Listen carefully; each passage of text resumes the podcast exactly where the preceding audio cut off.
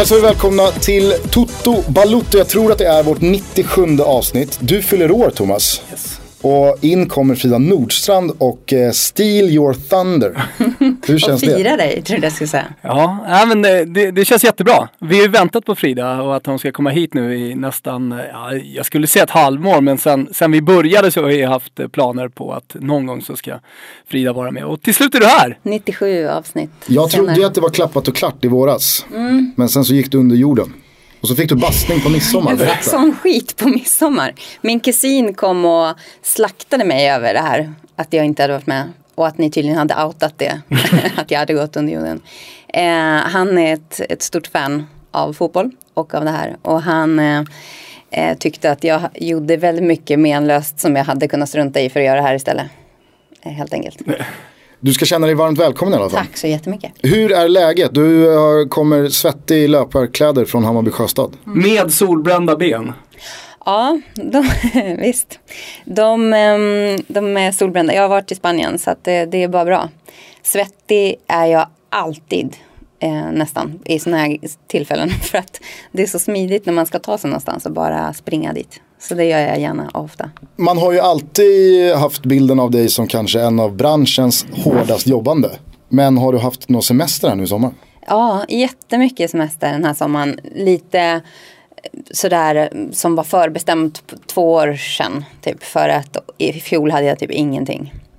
Så att eh, eh, under en period där över OS och World Cup i hockey och så vidare så var det här den här sommaren liksom mitt, min målbild. Så nu har jag varit lite, lite ledig och badat lite. Ja, men det, det måste ju fungera som en inspirationskälla, just att ni jobbar mycket för oss som är i branschen. Eh, kanske även folk som inte är i branschen också. Vi pratade om det med Ola Wenström som också jobbar väldigt mycket. Eh, förutom det man ser honom i, i liksom de normala sändningarna. Eh, och sen eh, Glenn Strömberg som också är en del av Viasat. Är det så att Viasat är liksom det hårda, eh, hårdaste, jobbaste la, eh, jo, eh, arbetande laget i branschen? Det, det vet jag inte. Men det som jag tror är är att vi har haft några år, väldigt intensiva år på Viasat med alla våra vanliga rättigheter.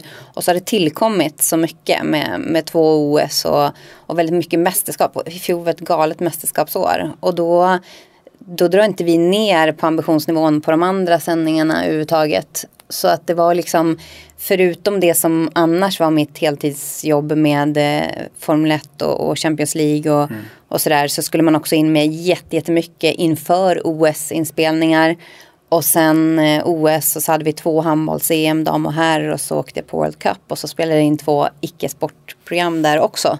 Så att det var liksom bara att vi vi har haft turen kan man väl säga att, ha- att ha väldigt mycket bra rättigheter samtidigt.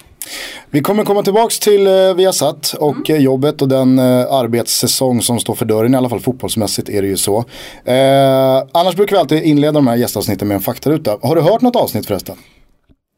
Ah, Alltså jag har faktiskt hört, eh, men inte ett helt. Jag tänkte att jag skulle säga att jag har hört några stycken. Nej men jag har hört lite grann. Vad är det här för Fragment. skit? Vad är det här för skit? Men faktum är att jag är så man, Alla säger, jag som springer, att man ska lyssna på en massa poddar. Men jag har inte kommit in i det. Jag är Men där är jag, musik- där är jag helt, uh, ja okej du är musik, men jag gillar att ta in naturen när jag springer. Ja, alltså. men det gör man inte i Stockholms stad liksom. Men... Nej det gör man ju Om du springer Ja, centralt, nej precis, jag bor på landet. Men om man springer på Djurgården till exempel och så kommer man längst ut på Blockhusudden. Och så har man motvind och så hör man en mås som kommer och, och sådär. Det, det tycker jag är det absolut bästa med löpningen. Fyller du 38 eller 68? Vi har pratat om några långa promena- promenader. Eh, hur som helst, fullständigt namn. Karin Frida Theresia Nordstrand. Theresia. Ovanligt. Med i, ja. Ålder. Jag är 37 snart. Var är hemma för dig? Eh, faktiskt precis lika mycket Sverige som Spanien. Eh, må jag säga. Mycket för att jag är uppvuxen på, på båda ställena. Men eh, just nu eh, Hammarby Sjöstad i Stockholm. Och eh, precis, precis mellan Malaga och Granada i Spanien. När man, när man som du är ute och reser så mycket, jag vet inte hur många resdagar har du per år? Jag vet inte. Jag måste räkna någon gång för jag får absolut alltid frågan. Och jag tror att det är en överlevnadsgrej att jag inte har Vänta räknat. bara, snart så gör någon av kvällstidningarna De gjorde ju det med Glenn Strömberg. De hade ju räknat ut hur många resdagar han hade på ett år. Så ringde de upp honom och gjorde en intervju kring det. Men det jag. välkomnar jag för att man orkar inte räkna det. Liksom. Nej, Nej, men jag tänker mest att jag tror att när man som du är hem, alltså hemifrån mycket så blir man mer hemkär. Ja, oh ja. Än de som är hemma året runt. Verkligen. Verkligen, verkligen. Sen så är det väl lite så som nu när man har haft semester så kan jag känna lite att eh, man gillar ju den livsstilen. Och det kryper lite när man inte, man inte reser. Men absolut, bara vara hemma. Fredagsmys, soffa, hems, egen säng. Inte ha packad väska. Oh, underbart. Men du sa lika mycket Spanien som, eh, som Sverige Mm. eh, och nämnde uppväxt. Berätta om det. Jag ehm, är uppvuxen, jag kommer, kommer från Sandviken. Men vi flyttade till Spanien när jag var tio, precis fyllda. Och där bodde vi. Tills jag började nian och då, då flyttade jag till England ett år. Och gick där och sen flyttade tillbaka till Sverige. Så att ehm, alla de här äh, åren där man är så mottaglig för intryck. De mellan tio och liksom innan man börjar gymnasiet där, det var i Spanien. Men Sandviken har tappat eh, platsen som hemma. Nej men Sandviken är jättehemma. Jag älskar Sandviken. Jag blir varm i hela min själ bara jag åker in i Sandviken. Hur stor är Magnus Muren i Sandviken? Ja, men han är stor. Det är ju min starkaste koppling till, till Ja, nej, men bandyn är ju stor. Och, fast nu har jag, jag älskar bandy. Älskar bandy. Men nu har jag också fått en väldigt sådär äh, stark känsla för äh, fotbollen i Sandviken. Som, för att de är inne i en fas just nu där de gör så mycket för samhället. Och där jag har valt att ta en liten del liksom, och pusha på det vis jag kan. Och äh, då har jag fått anledning att åka hem lite oftare och sådär också. Eh, så att, eh, jag är jättehemmakär i Sandviken också. Vilka språk behärskar du? Egentligen bara svenska, spanska, engelska. Men med det mm, klar, eller liksom, ja, funkar lite franska, lite italienska. Thomas brukar benämna som att man tar sig runt Ja. på franska om man kan ett annat romanskt språk. Ja. Eh, vilket eller vilka lag håller du på lyder frågan. Jag vet att eh, det, är en, det, det, det är en känslig puck i ditt yrke. Men finns det något lag som du uppskattar mer än andra? Det är kopplat då till, till mina hemmakänslor. Så det är ju Sandvikens IF. Eh, det är eh, Malaga. Har varit sedan jag var liten. Är det där ni bodde när du växte Ja. upp också? Och det är väl liksom de två egentligen ehm, lag som jag kan gå och se och, och helt koppla bort yrkesrollen. Liksom. Där jag bara kan eh, heja. Men på tal om Malaga, det har ju blivit så oerhört populärt för svenskar nu 2017 att åka ner eh, till Malaga, runt omkring Malaga. Eh, har du, hur, hur känner du kring det? Eftersom du är uppvuxen där. Eh, och att helt plötsligt så börjar eh, Alltså det som är halva att jag kan ju, jag, komma. och jag, det har väl varit så i perioder just med så här Puerto Banús och Mm. men jag, jag kan väl tycka att folk har en felaktig bild av vad som är Malaga. Ehm, jag, är, jag bor mer åt Granada-hållet så att jag bor verkligen i en jätte, jättespansk del av det. Med in, nästan inga svenskar överhuvudtaget. Men jag är lite allergisk mot de delarna där allt finns på svenska och allt där. Men, men Malaga är en magisk stad. Jag vet att Anders Bjur skickade någon bild till mig när han hade varit där och kommenterat någon match i slutet av eh, förra säsongen. Han var så här, varför har du inte berättat om Malaga? Vilket jag säkert hade, men själv. han har inte lyssnat. Liksom. Men eh, det är en jättebra stad. Men jag tänkte på det med Granada, då har ju Frida varit eh, granne med utrikeskorrespondenten. Ja precis, jag skulle säga det. Jag var och, och hängde lite med Daniel Larsson när han spelade i, i Granada. Det var ju en otroligt cool stad också. Mm. ja, det är alltså. så cool stad. Framförallt naturmässigt där med bergen och... Och kultur. ja. Ja, men det var så flummigt stan. att ligga i. Kultur upplevde inte Gustav speciellt mycket. Nej, men vi låg 40 Det fanns grader, berg, det var 40 häftigt. grader vid hans pool och blickade ut över liksom, glaciärer på bergen. Ja, det är skitcoolt. Och det som är att det saknar vatten. Men vi bor liksom nedanför Granada vid vattnet. Så att man, man kan ju åka skidor och bada i havet på samma dag. I de trakterna. Det är coolt. Finns det något lag du verkligen inte håller på som du kanske rent av föraktar? Jag tänker vad har Sandviken för Edsvurna. När jag var uppe i Luleå och Luleå precis hade klarat sig kvar i norrättan eh, så var jag med laget och firade lite. Då sjöng, eh, då sjöng laget inne på Allstar i Luleå, Hata Boden. Så det var ju Boden då, den lokala konkurrenten.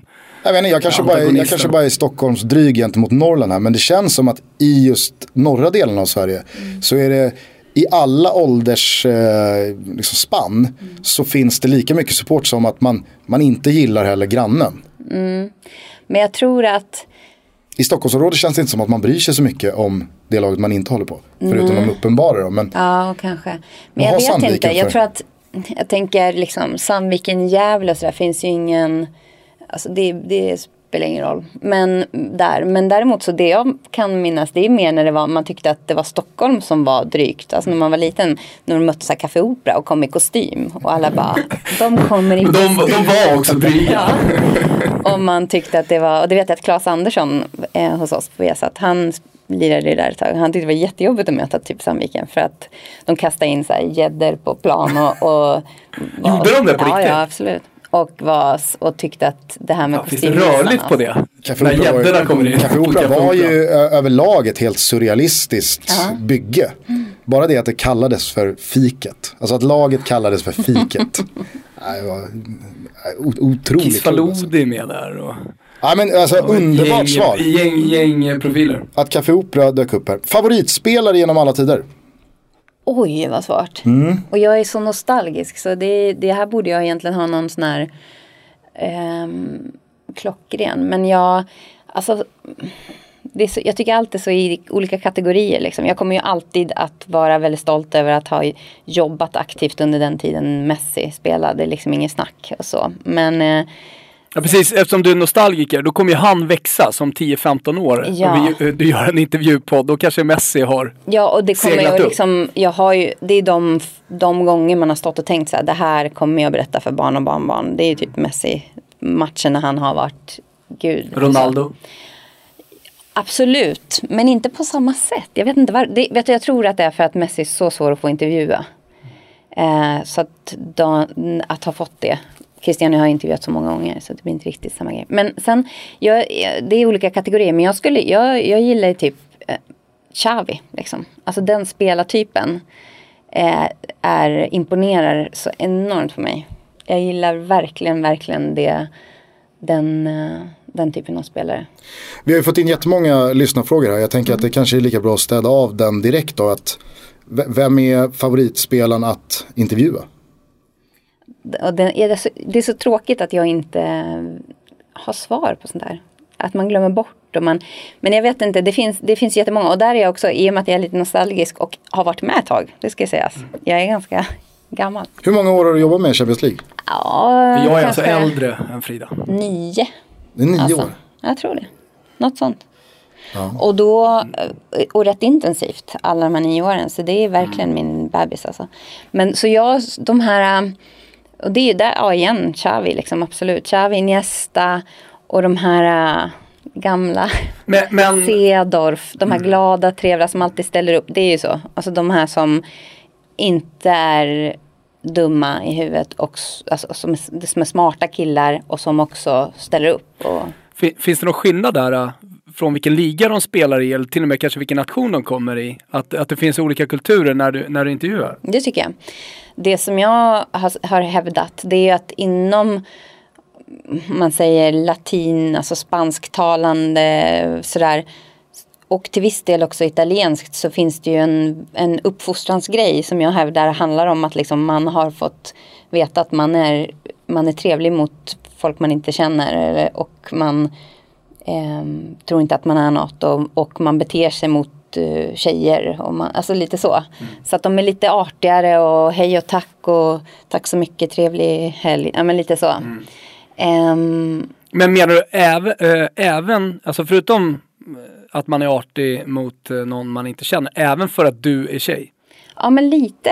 Alltså, för det, det, eftersom man ofta får frågan om det är någon för eller nackdel att vara tjej i den här mansdominerade världen och branschen. Och, så kan jag tycka att om man ska dra fram en fördel så är det väl det. Liksom att man har ju ofta ett annat beteende mot det motsatta könet än mot samma. Och det tror jag att många fotbollsspelare också kanske inte, sen när jag har varit där så länge och man lär känna dem på ett annat sätt så blir det annorlunda. Men just att det finns ändå någon, någon slags artighet liksom att man som man är mot äldre eller mm. inte vet jag, man är lite, lite artigare. Men just kanske inte känner sig så hotad också. Nej, men, precis, men det du är inne på där, eh, att man blir lite tjenis, det tror jag jättemånga jag har sett frågor också är intresserade av. Alltså, är det till och med så att du har fått vänskaper eh, via jobbet?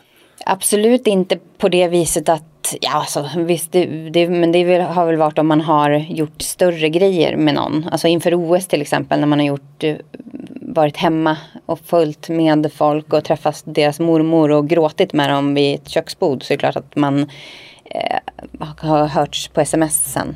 Men, eh, Vi frågade ju Johanna Frändén lite uh. samma typ av frågor i våras. Många oväntade svar. Då sa hon, ja men det närmsta jag har kommit det är väl att jag hamnade på en efterfest med Sir Alex brorsa. Oj.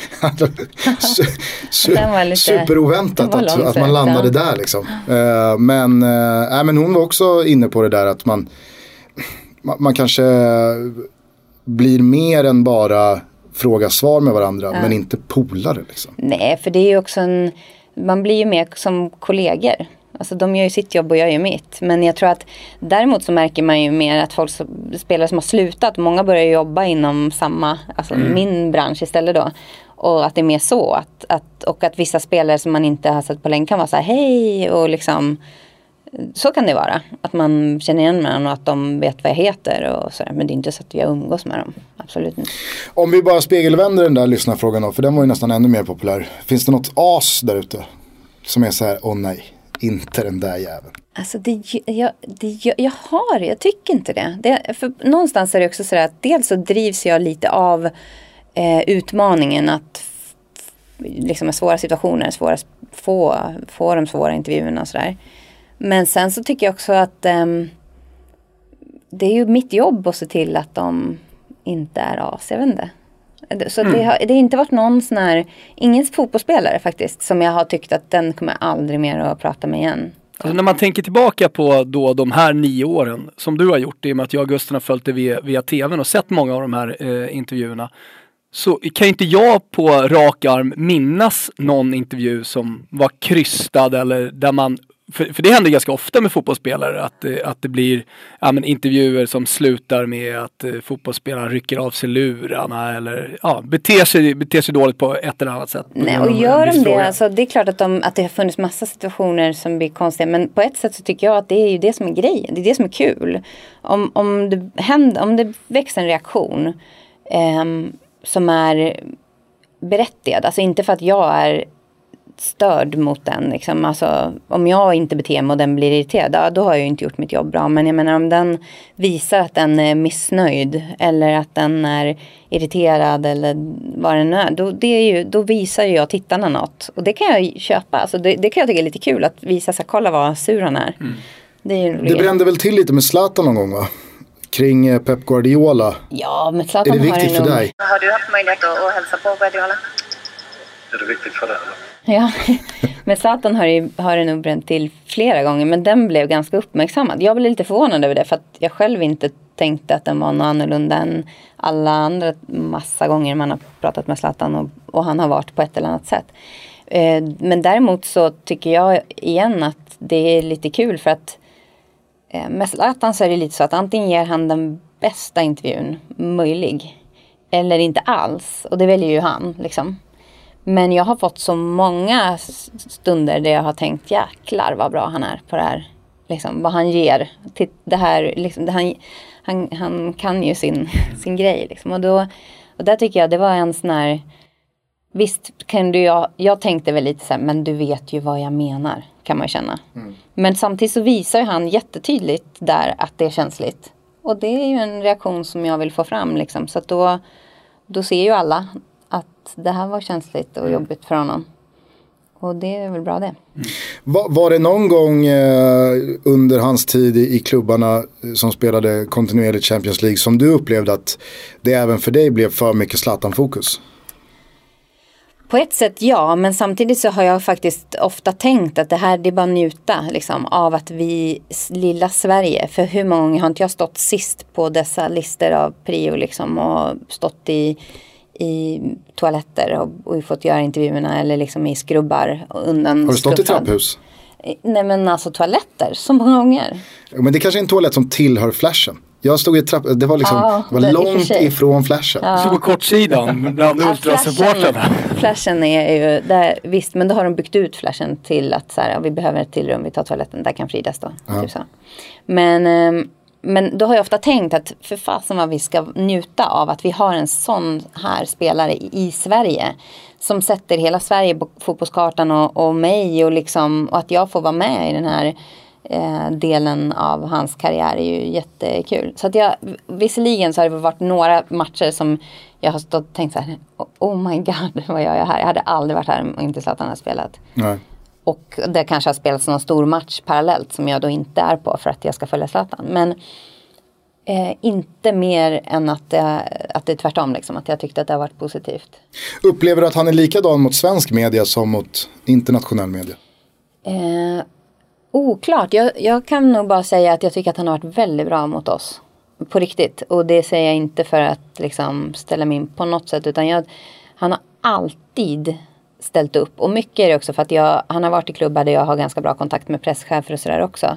Och, och det har varit Champions League och, du, och han vill gärna prata då. Och jag eh, upp, antar att det är lite lättare för mig att liksom få honom efter en Champions League-match. Det är inte så himla lätt efter en vanlig ligamatch i, i engelska ligan. Liksom. Det är det ju inte. Men eh, generellt bara, bara bra. Och också li, lite som med Mourinho. Att man, ibland kan man tycka vad man vill om den personligheten. Men jag tycker ändå att man får alltid något bra. Liksom. Det blir alltid tv bra. Vare sig det är bra, bra eller bra dåligt. Men det är alltid bra. Så en spelare du aldrig riktigt gillat, vad landade vi där? Ja, men alltså så här, jag, jag kan ju, ibland ha intervjuat typ Bentner och tyckt men jösses vad jobbig du är nu. Men det, det stör Vad- vad har han gjort då? Nej men han har varit så här, jag tänker inte svara om du pratar svenska eller jag och varit lite dryg bara. Men sen har han varit glad och trevlig andra gånger också. Det finns så jag vet inte, det finns, det finns säkert många som jag har tyckt saker om där och då. Eller folk som har varit jä- jättetråkiga är ju värre. Som inte ger någonting. Hellre att det är någon som är lite störig än någon som inte ger någonting. Men ehm, inte så att det har liksom, så att det är någon som jag känner att det har tagit personligt på mig. Liksom. Nej. B- Bara en kort snabb fråga som dök upp i mitt huvud. Eh, vi har ju pratat en del om att fotbollsspel, det krävs så oerhört lite rent intellektuellt eller eh, att någon tar ett initiativ när man är fotbollsspelare för att du ska få en stämpel som ett slags geni. Eh, då brukar vi använda då som typexempel att en spelare i Fiorentina som heter Donadell, hans pappa var mäklare. Och därför fick Donadell då smeknamnet Il Dottore. Alltså doktorn, som att han är högskoleutbildad, eh, ett, ett geni. För hans pappa är mäklare. Eh, så många spelare som du träffar, upplever du att eh, det är vassa och skarpa killar? Eller kan du ibland känna, här susar det i huvudet. Det här Ja, det är är liksom, det här är duktiga fotbollsspelare som spelar FIFA och inte gör så mycket annat. Ja, men jag, jag kan ju ibland känna att vilken tur att han är bra på fotboll. Liksom, absolut. men, men samtidigt så, det, jag träffar ju jättemånga så det är inte så konstigt. Men, men det är också, det är dels det, men också en kombo av det och att de, det är en lagsport där man kan slänga sig med ganska liksom, generella breda termer och inte behöver ta så mycket ansvar för sig själv om man inte vill. Och då kan det bli ännu mera så att de framstår mer så än vad de är. Och, men framförallt i jämförelse med till exempel då Formel 1 så blir det ju jättetydlig skillnad. För där är det ju precis tvärtom. De, de står till svars för sig själva. De pratar om sig själva och sin bil och de är i stort sett ingenjörer. Liksom, för de, ju, de sitter lika mycket med att utveckla bilen och, och analyserar som de kör den. Och det är inga dumhuvuden. För då skulle de sitta i muren efter ett varv. Eh, och där blir det, intervjuerna blir så väldigt, väldigt olika. För de kan prata om det där liksom i tre timmar. Men du nämnde en spelare här eh, i förbifarten som eh, ofta också, eh, ja men får epitetet smart och eh, som många tycker mycket om vid sidan av planen, Sedorf. Mm. Eh, Han, han känns ju verkligen som ja, motpolen till de här Fifa-spelande lirarna. Ja, framförallt så är han ju kanske världens snällaste person. Alltså han är ju så, så Kanske hänger ihop och så också. snäll och så sympatisk. Verkligen. Men eh, jo, men alltså det finns ju det finns ju gi- givetvis, alltså som i allt annat, de som är supersmarta och de som inte har alla bestick liksom i lådan. Men, men jag tycker också att det är en jättecharmig del av det. det är väl, jag tycker att det är underbart att du kan bli världens liksom, superstjärna utan att ha några förutsättningar överhuvudtaget i livet. Det är ju jättehärligt. Det har du, den möjligheten har du ju inte i Formel 1 på samma sätt. Nej, det är väl ganska många sporter där eh, bara vissa människor från vissa samhällsklasser har en chans. Liksom. Men jag tycker att det är så tråkigt som konsument av både tv och media och sådär. eh, Att det har blivit så otroligt eh, åtstramat i vad spelare, ledare, klubbar ens får säga eller vill säga någonting om. För att man är så rädd att säga fel eller göra någonting eh, som, som eh, ska bli någon slags rubrik. Jag tyckte det var sorgligt här för något år sedan när Sverige träningsspelade mot Iran. Och det då dök upp massa frågor eh, kring att, eh, men hur man ser på att man väljer att möta Iran med det statsskicket som råder där. Kvinnor får inte gå på fotboll och så vidare och så vidare.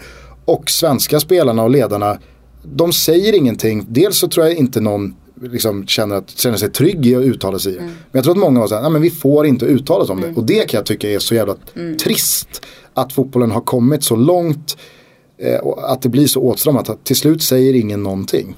Ja, och än värre nästan kan jag tycka är just det här hur man skyddar stjärnorna. Ehm, för att de ska vara helt, och de, de hamnar ju i en sits där de, blir, de, kan, de gör ingenting själva till slut. Och, de, och i, i storklubbarna så blir det ju så svårt att komma åt dem. Och, och där, det tror jag inte att alla tänker på heller vilken enorm skillnad det har blivit och vilken kamp det är att få de här intervjuerna. Det man ser när vi väl står där med dem, då är det ju klart, jobbet klart liksom.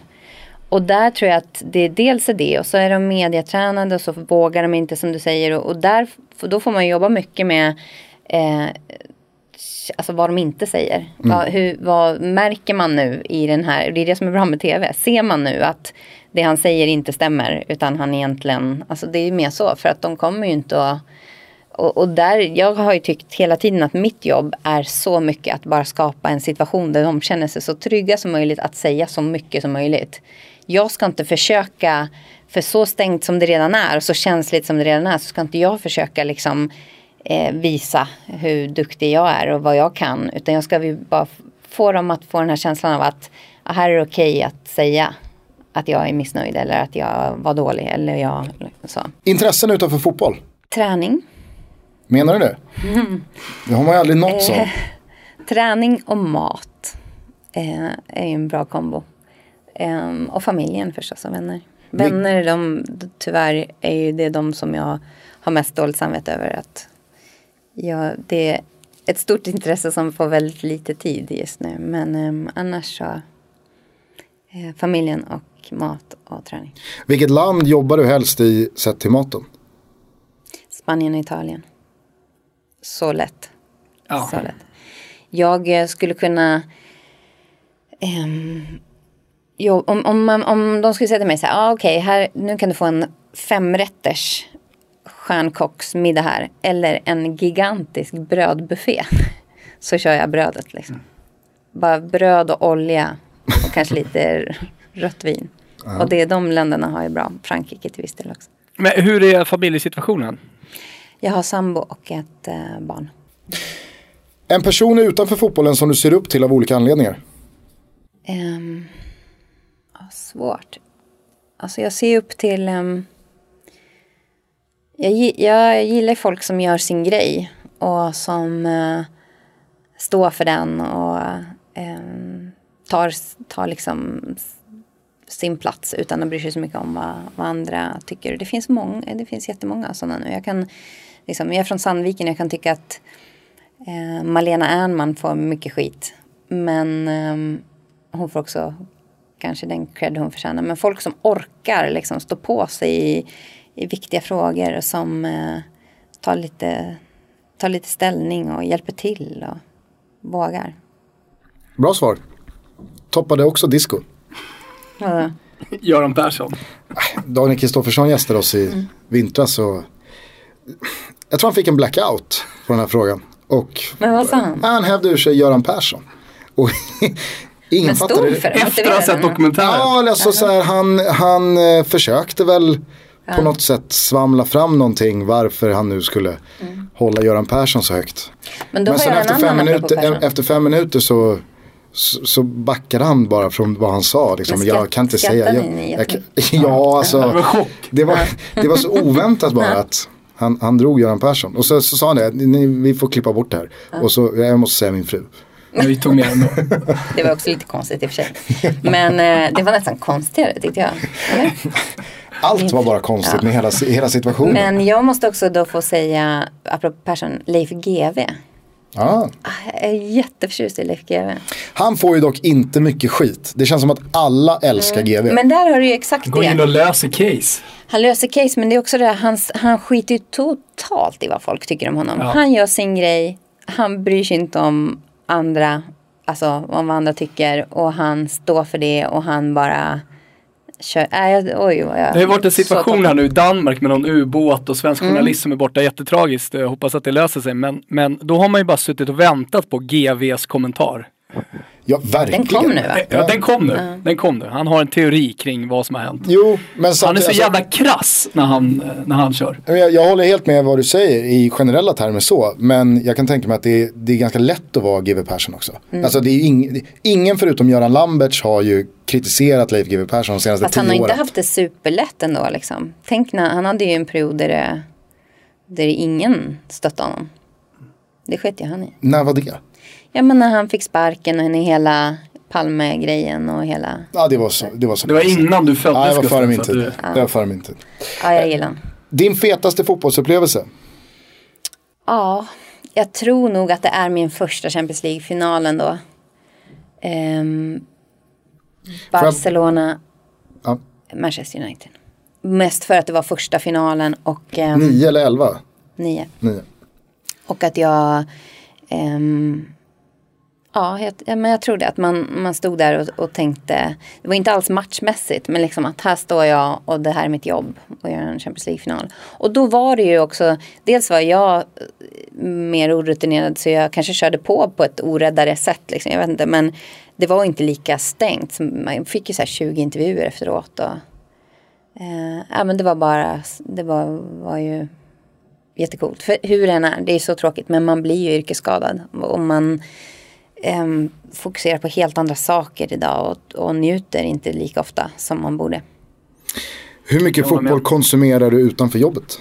Ganska mycket. Ja.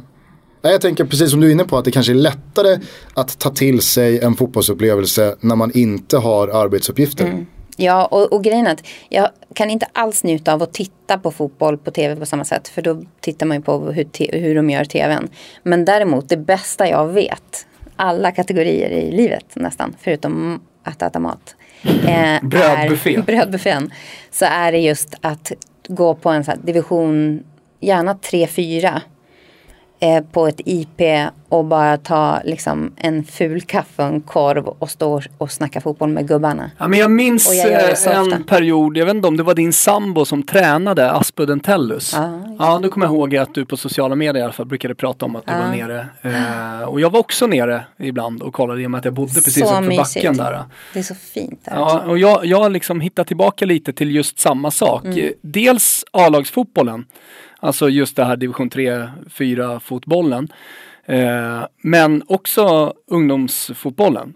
Vi spelade cup i, igår i, på Älvsjö IP. Mm. Eh, med åttaåriga tjejer som springer runt och liksom bara se deras glädje, allt engagemang från föräldrarna. För att det är lätt när man blir vuxen eh, och speciellt kanske också när man jobbar med det, men sådär att man, att man kommer in i den här karusellen med, man säger den moderna fotbollen med dyra nyförvärv och det, det är fullsatta läktare och väldigt eh, Det är så mycket produkt liksom. Ja, väldigt mycket produkt och så kommer man ner där. Och, alltså just att hitta tillbaka till den glädjen när jag började träna min lilla dotter. Det, det, var, det tyckte jag var alltså, jäkla starkt. Och du pratade om att du är no- nostalgi, nostalgiker också. Då, det var som en nostalgisk smäll Mm. att komma ner. Och, och man inser också att det inte har ändrats så mycket. Det pratas ju vet, jättemycket eh, idag om att ja, men ungdomarna sitter bara inne med sina mm, skärmar och eh, ja, men det, det var inte som när vi var små minsann och, och spelade fotboll. Jag vet inte, man kanske inte är ute lika mycket. Men jag ser absolut samma glädje och samma engagemang från föräldrar, från barn och sådär som, som tidigare. De har idoler precis som jag hade på 80-talet. Ja, men och bara kunna stå där en hel match och bara tänka på det. På den matchen man ser där. Och eventuellt liksom. Dras med i någon slags dramatik. Det står 1-1 helt och underbart. ja. Och sen tycker jag också att det för mig har också varit väldigt, väldigt härligt när man börjar eh, engagera sig eller se på där fotbollen gör stor skillnad också i, i samhällsprojekt och, och eh, nattfotbollen som är någonting som just Sandviken har anammat där man håller öppet på fredagar och lördagar, nätter för att och vem som helst får komma och spela. Där, att sitta och titta på matcher där. När det liksom, det är som blandning av Ja, Brommapojkarna kör mycket det nu också i, ute i västerort. Ja, det är ett, Tror att, ett eh, koncept liksom. Och, Kriminaliteten har sjunkit mellan 30 och 35 procent de kvällarna de har och det kommer väl från, jag vet att just det här natt, nattfotbollen kommer från eh, The Good Sports. Det är väl um, Alexander Östlund som är med i det där också. Och jag har bara sett det genom Sandviken. Men där är, alltså det är, ju- det är nyårsafton, julafton, öppet hela tiden. Och det här engagemanget, folk som är där då och, och jobbar med det. Men alla dessa ungdomar, som, det är lika många som kommer och tittar också för den delen. Men då har de någonstans att vara och den gemensamma nämnaren är fotbollen. Och det är så underbart. Och det är liksom hur man bara ser hur det knyts band och kontakter och det är bara total glädje. Det är sånt, sånt, oj oj, oj, sånt gillar jag. Aspudden IP har ju ett eh, riktigt plankarhörn också. Det är väldigt lätt att planka in på Aspudden IP. Vilket hörn bort? Från vägen eller? Vänsterhörnet vid omklädningsrummen liksom. Där, där har man plankat Vid in. 4H-gården. Ja, jag vet inte vad gården heter. Jag har bara spelat bortamatcher En av de där. sämsta gräsplanen en gång i tiden. De hade ju ena kanten, nu har de gjort om till konstgräs. Eh, Men ena... Det var lite ena uppförsbacke där. Jo, exakt. Det var uppförsbacke i ena halvleken. Så fick man, jag spelar ofta ytter då i räddning. Så var det eh, nedförsbacke i andra halvlek. Ja, jag tycker det är så mysigt. Och så när de ropar ut, när de har så här, man kan vinna, man har tagit någon lott och så bara kan man vinna en middag på Diset. På Gud vad Diset. härligt, jag har Det- alltid velat vinna Jag tror tredje gången Diset är uppe i podden va? Är det sant? Jag berättade om när jag var, satt där med Kefa Olsson. Gamla Jag spelade många år i Spånga IS. Mm. Eh, Och på Spånga IP då var det en fruktkorg. Mm. Var tredje gång då var, det aldrig, då var det aldrig någon som hade den vinnande lotten. och då visste man ju, det fanns ju aldrig någon fruktkorg ens på plats. Utan det var, nej, vi får dra ett tomt nummer den här gången. Vi har ingen fruktkorg på plats.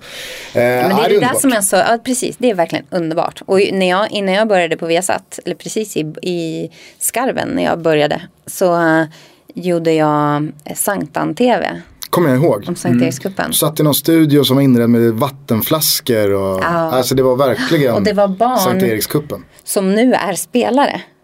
Eh, Viktor Nordin som, spe, som fostrades i Hammarby som nu är i Sandvikens IF. Han var min panel.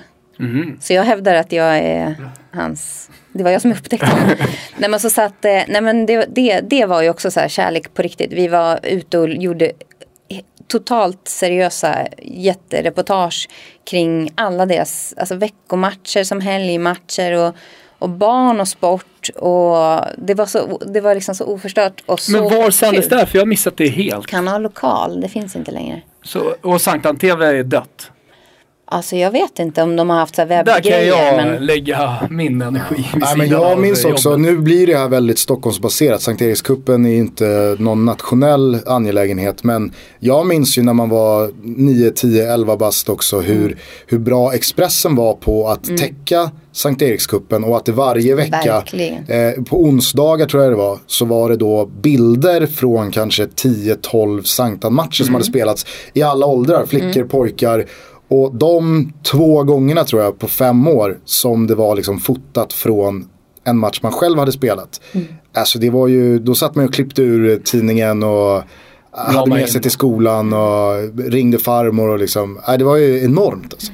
Eh, väldigt, väldigt charmigt och det var ju så lätt att få gäster till för att alla mm, liksom, nuvarande spelare i Stockholmstrakterna hade ju en relation till Sankta. Alla, de satt ju och grät i den där studion när de kom ihåg sina egna små matcher när de var liten. Och så. Mm. Så var ju... eh, bara avslutningsvis, jag tänkte på en match som borde varit helt galen mm -hmm. och mhm. varit där. Eh, för jag antar att du var det, jag, det Barcelona, måste Barcelona mm. 6-1 mot PSG. Ja. Det måste ju ha varit någonting ja. som bröt igenom det här arbetsskadade ja. likgiltigheten. Verkligen. Nej men absolut, alltså det var ju, du vet det var så i spelargången då också.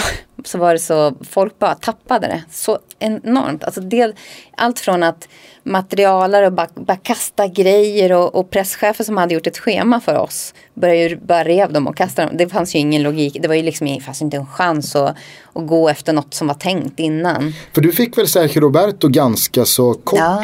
på slutvisslan? Ja, absolut. Perfekt sen... målskytt för liksom ja. Eh, Viasat Sverige. Ja, just. Nej, och så vet jag också att jag eh, pratade med eh, Iniesta Um, och han och frågade honom liksom med allt du har varit med om. Alla liksom, alla matcher som du har varit huvudroll i galna grejer. Hur, hur högt placerar den här? Och han sa att jag, det är svårt att säga en placering. Men det är ju typ topp tre. För att jag, det här händer inte. Det är liksom, jag står här och jag kan inte säga att det har hänt ens. För att det känns helt surrealistiskt. Vad gjorde du och Glenn och Strömblad och teamet efteråt? de, ju, de har ju alltid möjlighet att gå och snacka av sig långt innan. Jag är ju kvar en och en halv, två timmar och många gånger efter. De måste ju ha värmt en stol åt dig någonstans. Ni ja, kan inte ha gått till hotellet och slaggat. De är världens snällaste. De alltid beställt in bröd och grejer jämt. Men um, det, de hade nog dragit i den några varv när jag väl kom. Men de var ju också så här, okej, okay, vad, vad sa spelarna? Alltså hur, hur agerade... Var, Paris brukar vara superbra på att uh, ställa upp. Fick du någon PSG-spelare? Nej, alltså ingen PSG-spelare pratade. Ingen. De bara gick. Det var, det var som ett... Och det var liksom ingen heller som protesterade. Det var ingen som sa så här. Jo, men nu får ni faktiskt... Utan alla bara, oh, whatever, gå då. Alltså det är ingen... Det var, det var så knasigt. Men det var nästan lika knasigt i Paris i första matchen också. För då var det liksom... Eh, okej, okay, inte alls lika knasigt. Men det var ändå den här grejen att Barca var helt tagna på sängen. Och, och Paris, de liksom, intervjuerna var ju som någon slags mässa. Mm. Det var ju som präster som stod och pratade om livet och Gud och alltså det var, det var också väldigt sådana här som man verkligen minns. Mm. Bruk, brukar ju locka fram de religiösa individerna eh, just när, när det händer någonting sånt mm. otroligt som ändå var. Alltså det måste varit så, jag har ju varit på Camp Nou själv men då i lite uh, halvdeppiga tillställningar. Och det kan ju vara en väldigt död arena, mm. rent stämningsmässigt. Barca, Barca, Barca rullar mm. ett par gånger. Vågen kanske gör sig på, mm. men, men sen prasslar det ju mest mm. kring mackpapper. Mm. Men den här, alltså det var ju, nej, det måste varit helt sjukt. Mm. Och alla spanska journalister, de, så som de tappade också, det var ju liksom, för det blir, så, det blir verkligen alla det blir ju alla som, de som står och drar kablar till, till lamporna i mixade zonerna och de som alla bara flippade. Så att det var Långt bort från Aspuddens IP då. Ja, ja. Hörni, ni vet att eh, vi som vanligt är sponsrade av våra bästa polare borta hos Betsson. I helgen så sjösatte jag min säsongstutto-trippel i Premier League. Jag hoppas det var många som ryggade. Jag tycker att eh, den blev jäkligt rolig att ha med sig i fickan under den här hösten och vintern och våren. Eh, och jag tycker också att ni ska snegla mot att eh, Leicesters tränare Craig Shakespeare alltså får lämna sin tränarpost först av alla managers i Premier League till tio gånger pengarna. I veckan så kommer vi eh, dels eh, ta in lite extern eh, experthjälp för att få till några långtidsspel i Tyskland och i Spanien. Och sen så kommer såklart Thomas leverera en superduper toto-trippel vad gäller långtid i Serie A. Så att håll utkik i våra sociala mediekanaler men för all del surfa in på Betsson.com och reka oddsen själva. Det finns ett par riktigt härliga godbitar och boostade odds eh, och långtidsspel för den sakens skull också. Så att eh, det är på Betsson det händer, det vet ni. Ciao! Vi skyndar vidare. Vem från fotbollsvärlden hade du helst velat dela en flaska vin med? Åh, oh, gud vad svårt. Um en flaska vin vet jag inte. Alltså en spelare eller? Vem som helst från Aha. fotbollsvärlden. Vad har vi haft? Vi har haft eh, Alex Ferguson uppe. Mm. Eh, någon har väl slag- sagt Zlatan också. Det har varit lite blandat. Backe var sugen på Conte. Backe var sugen på Conte. Mhm. Sugen på konst. Nej men inte vet jag. jag eh, Dani Alves har- är ju himla rolig. Ja. Han, han kvalar nog in bland mina, om jag inte bara ska ta de här nostalgiska som inte spelar längre så är ju Dani Alves, ju, han har ju varit barnvakt till min son i typ 45 minuter en gång på en Formel 1-bana. Han är världens, Vad hände då? alltså så snäll. Vi, um, det här var på Monza, om jag inte minns fel. Min eh, son är berest, han har varit med på väldigt mycket. Hur gammal är han? Han fyller fem snart. För två sekunder så trodde jag att din son hette Erberest. Det var som när jag var 18 och vi skulle åka till namn, Grekland första gången och jag läste upp så här, Erberes Nordstrand. över, över eh, engagerad över att vi skulle åka till Kos i två veckor och, och festa. Så läste jag om Barunda som jag trodde var någon grekisk eh, kulturell fest sådär. Och så ska vi på Barunda och alla var bara tysta och visste att jag hade misslyckats. Så kom det återigen. det också. Nej vad jobbigt. Och det bara fortsatte. Vad jobbigt. Och sen så efter bara, vi ska på Barunda! Ja. Ja, han heter inte Han Erberest. heter inte det. Men, Men eh, han är berest. Han är väldigt berest och han har varit med på många sådana tillställningar. Alltså han liksom. följer med. Ja, han, alltså visst, annars ska jag inte träffa Men honom. med ibland. din sambo också? Ja, mm, ibland. Man får ju pussla lite liksom. Ah. Men min sambo är med ibland och någon gång har mamma varit med och någon gång, man, man får ihop det. Hur gammal är Erberest idag? Han fyller snart fem. Fem. Han eh, var med på Monza för att det, han fyller i samband med Monza. Så han, han har firat många födelsedagar på Monza faktiskt. Tre tror jag av fem. Eh, och då var han där och så ehm, stod han och spelade fotboll med Felipe Massas son. Och då eh, Var nere på liksom i, i banan? paddocken, i, ja. precis där förarna huserar. Och då eh, var Dani Alves där som gäst. Och ehm, jag tror att han tyckte det var ganska skönt att komma och liksom börja spela lite med grabbarna för då kom han undan lite från kamerorna och sådär. Ehm, och jag ehm, bara ser, eller jag fattade inte utan jag var tvungen att springa iväg och göra en intervju och var borta jättelänge och ser att de ser att de står liksom, folk står och skrattar och fotar och kollar och, och Du tar Eh. tillfället i akt där. Ja, Här har jag barnvakt. Ja men det var ju typ så. För sen när jag kom tillbaka då var han fortfarande där. Med, så I typ 45 minuter spelade han fotboll med min son där. Men han är ju eh, också en sån här, om man pratar om drömintervjuer, alltså sån här som man kan få så mycket roliga svar och så mycket garv och som är genuint jättesympatisk verkligen. Mäktigaste numret du har i din telefonbok? Gud vad svårt. Jag har nog inte så mycket mäktiga nummer. Ja, men det är inte Victor Nordin liksom. Tyrion Ris kanske. Bra, bra svar. Är du tatuerad? Ja. Vad eh, var din första gadd? Jag har bara en. En, Ja. lit, en liten på sidan av ryggen. Alltså rebenen typ. En haj. Är det en en haj? delfin. är- Nej, det är en ett symbol. En symbol. Jag gillar att du hånar lite för det är ju det Thomas har. Ja. Alltså Thomas har en haj på ryggen som är så dåligt gjord att det ser ut som en brax. Ja, Ja, den är usel alltså. läget. Okej, härligt. Eh, snyggaste fotbollströjan genom tiderna? Oj.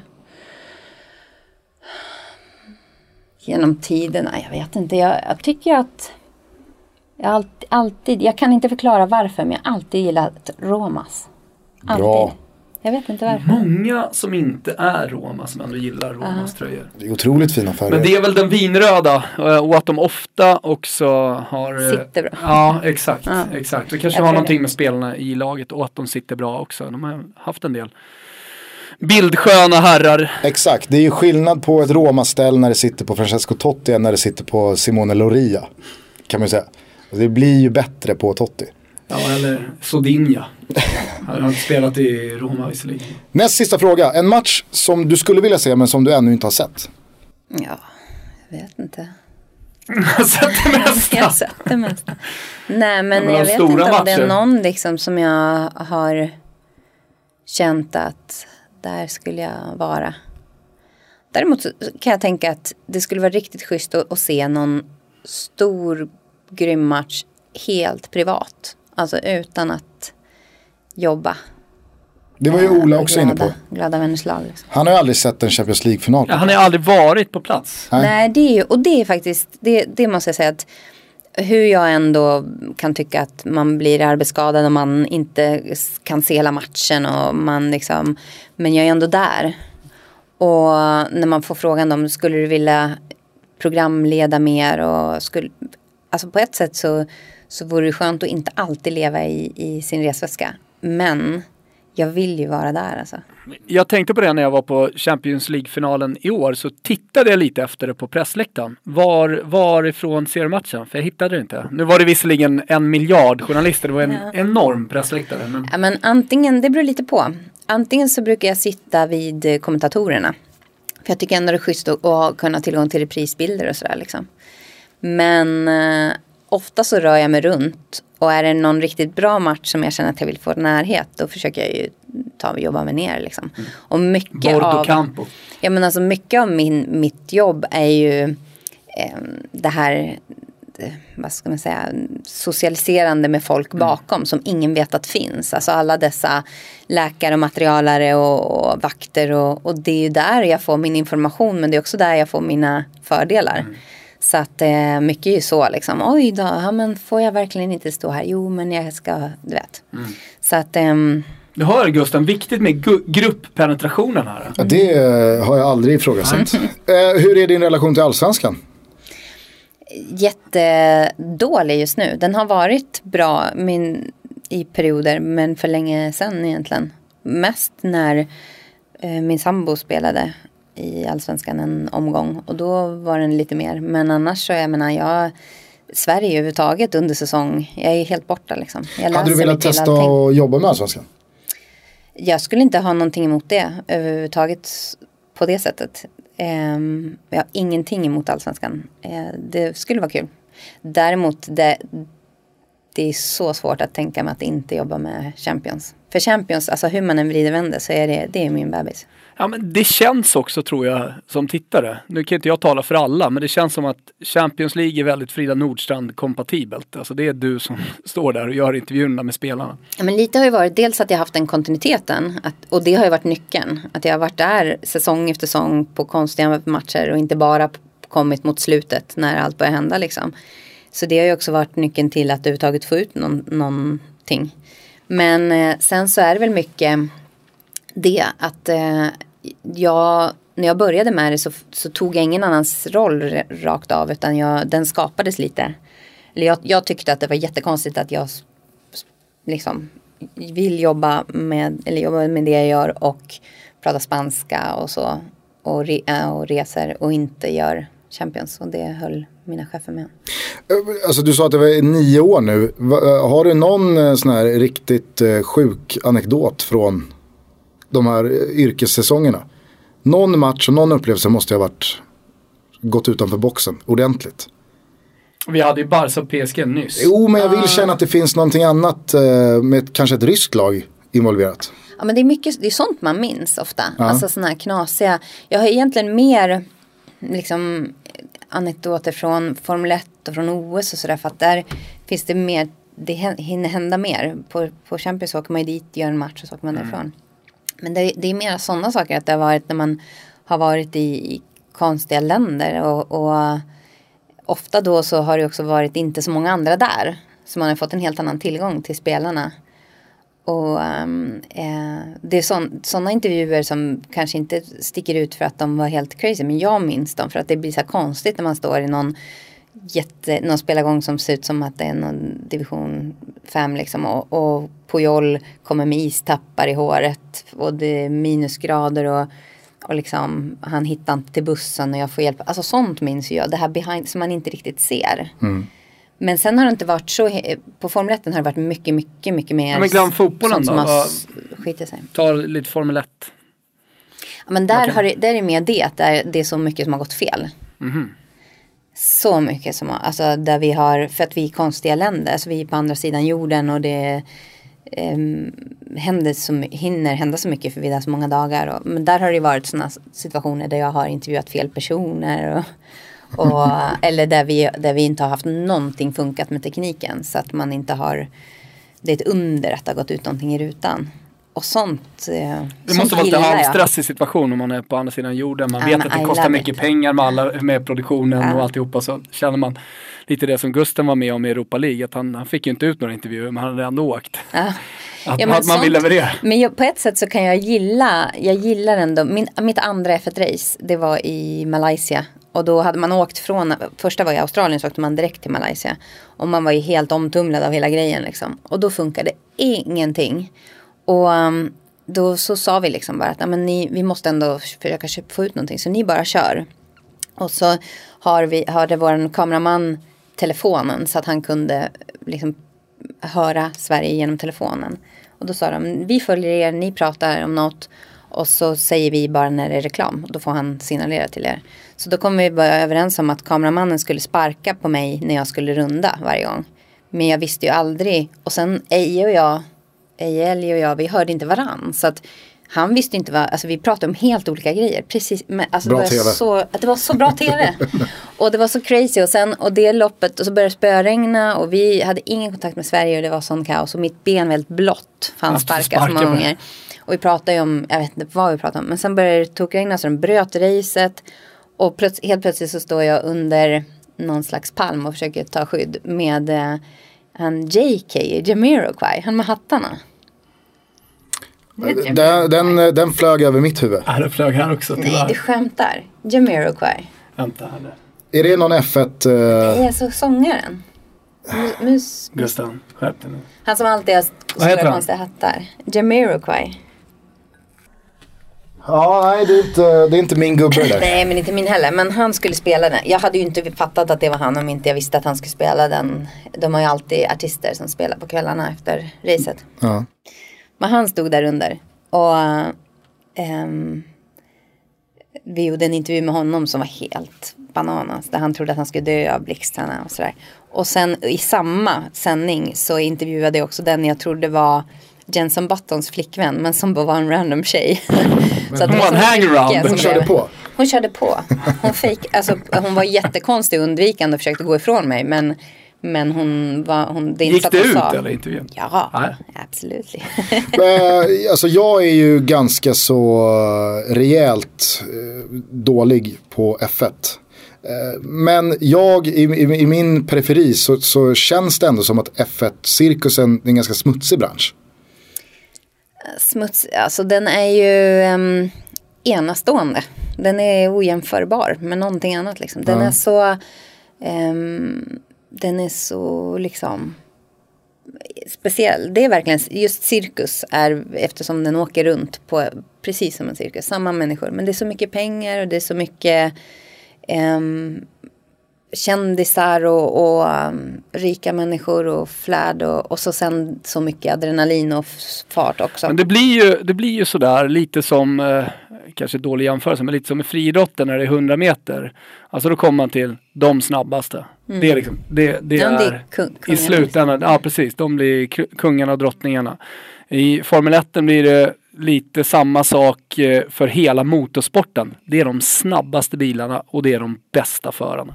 Och någonstans är det också så att jag, jag förstår om man inte är intresserad av att titta på det sådär. Men har man sett det live så det är, jag tror att det är stört omöjligt att inte ryckas med. Alltså. Behöver man vara lagd åt liksom motorhållet? Nej. För att jag kan ju inte... För det, var inte, det är inte jag egentligen.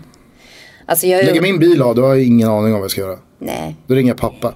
Men alltså, jag, precis, jag var, jag var lite insatt för att jag är uppvuxen i, i Spanien och där var det väldigt stort, det är det fortfarande, men då med Fernando Alonso och sådär.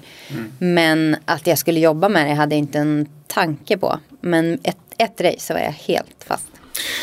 Eh, har du varit med om någon riktigt allvarlig krasch? Jag tror att den, Det måste vara sån jävla skillnad på att vara på plats när någon drar ett korsband och man vet att oj, okej nu blir det nio månader konvalescens här. Mot när någon kanske svävar mellan liv och död. alltså jag tror att den olyckan som jag har varit på plats på, det var, det var när Felipe Massa fick en del av en bil på sådär. Men jag var inte på plats ehm, när eh, Bianchi, mm, som sedermera dog, um, i med hans olycka. Däremot har jag intervjuat honom många gånger. Sådär. Men överlag så, nej, jag, det har inte varit så mycket ju de senaste åren.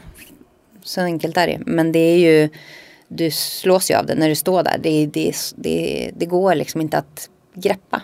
Men, För kan... vi svimmar mm. om vi sätter oss i en sån bil. Liksom. Mm. Vi, vi coolar. Det är kanske den anspänningen också som gör att det är så. Mm. Alltså att det finns någon kick i hela cirkusen. Ja och, och, och, att det är väldigt imponerande tycker jag. När vanliga liksom, killar sätter sig i de här bilarna. Och um, det är så mycket, för det är så mycket som folk inte tänker på. Jag som är träningsintresserad. Alltså den form de måste vara i för att klara av påfrestningen på kroppen fattar man inte. Alltså de är ju de mest vältränade idrottsmännen vi har. De, de, måste vara lätta och de måste vara belastningen som är på deras huvuden. Och, och, liksom, och det är ju vissa race där det är så varmt så de kan gå ner liksom 4-5 kilo i, i, bara i vätska under ett lopp. Och där de beskriver det som att varje varv tänker man jag måste in i depån för jag dör. Liksom. Jag dör. Och, och en mikrosekunds okoncentration då så kan du dö. Eh, jag måste bara fråga här nu när, när vi har det här. Eh, för jag bollade upp det förra veckan. Jag sa till Thomas jag måste fråga. Alltså, Michael Schumacher, vad händer där? Alltså är, är, lever han? Ja det tror jag men jag tror inte man vet så mycket mer än det. Hans familj har väl sagt att de inte kommer att uppdatera mer nu för att eh... Kommer man någonsin se honom igen? Nej det tror jag inte. Aldrig? Det tror jag inte. Absolut, Hur går snacket absolut. liksom när du är på tävlingar och sådär? Pratar man om Mm. inte nu mer. Men sen är det också lite sådär att när man pratar med folk som verkligen är i den branschen som har kört själv och så. Så är de lite mera avdramatiserade eller kanske lite skadade då, av, sin, av den, den världen. Nu skedde ju det här i en skidbacke så det har ingenting med Formel 1 att göra. Men, men just det här att EL till exempel, då, min kollega, han, han tycker ju ofta att ja, det är en livsfarlig sport. Men, men på vilket sätt är det mer liksom dramatiskt och hemskt än att det finns cancersjuka barn som dör. Alltså så.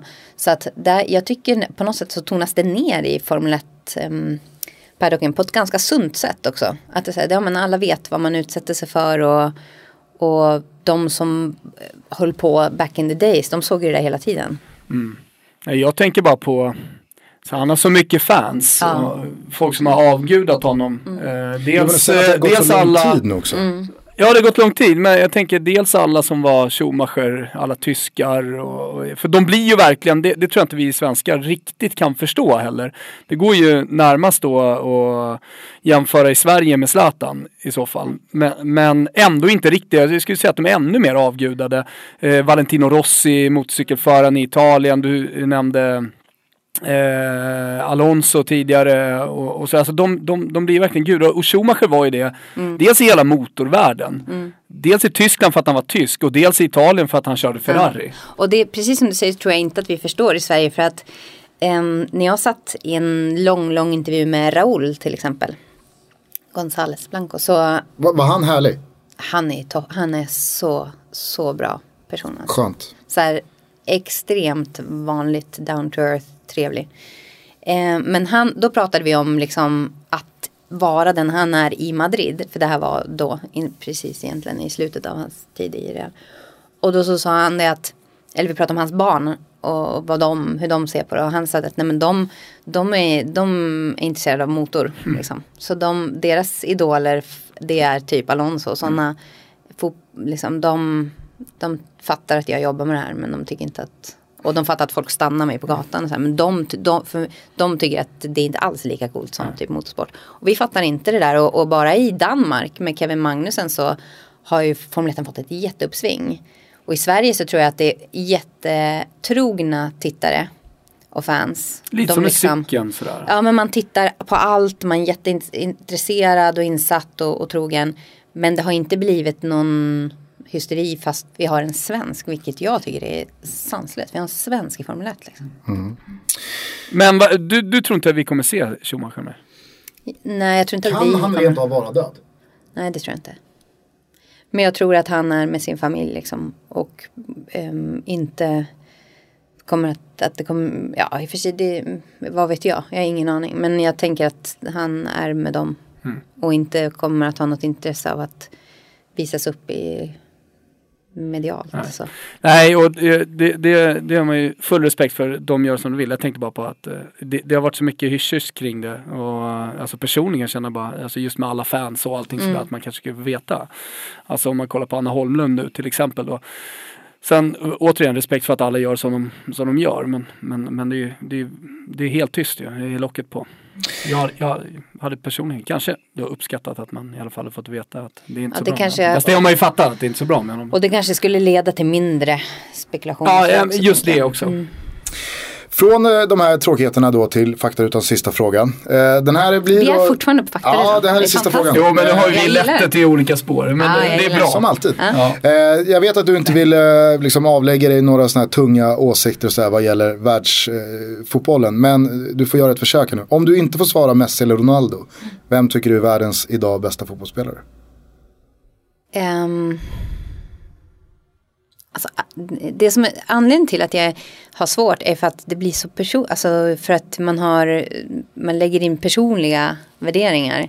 Och jag tycker ju liksom, jag njuter av att se Isco spela fotboll. Det, för det är den typen av spelare jag gillar. Liksom. Men sen så kanske jag inte skulle tycka att han att han är Men det, jag, gillar, jag gillar liksom. liksom när man tar verkligen omfamnar subjektiviteten i frågan också. Uh, för att uh, för mig är det också rörelsemönster, man kanske har sett någon intervju. Uh, men, men, ja, men bara rörelsemönster är ju halva grejen. Ja, alltså att, att stå och titta och bara och där har ju verkligen Isco en edge. Han, han, han ser ju ut som ingen annan. Och det där, alltså, när man har sett det från Malaga-tiden också. Och bara förundrats över. Och det är det, jag tycker det är så. Det och det finns ju många typer av, av spelare som har olika liksom. Men just det här när man när man ser någon slags magi som, eh, som man har svårt att greppa. Mm. Det, det, är ju himla coolt. Men jag menar visst, hade det varit för ett tag sedan så hade jag ju sagt liksom Neymar eller så. Men eh, nu är det lite lurigare. Nu är det, nu är det lite kul tycker jag. För det kommer upp lite nya som man Verkligen. Som man, och, och också roligt att vara med i den. Det, man känner sig gammal men det är roligt att ha varit med i skiftena. Och att det blir så här, ja, nu, nu kanske man var en av de första, åtminstone i svensk tv, att börja eh, snacka med Dybala och de här liksom. Och så tänker man så här, ja men det här kommer ju, står man där på någon match och tänker att, då kommer jag säga sen att jag minns hans, matchen han slog igenom i, ja, ni fattar. Jag börjar bli gammal. Det är jag fattar. Eh, du säger att du börjar bli gammal. Du säger att du har gjort det här nu i nio år. Hur länge ser du dig själv fortsätta i det här tempot?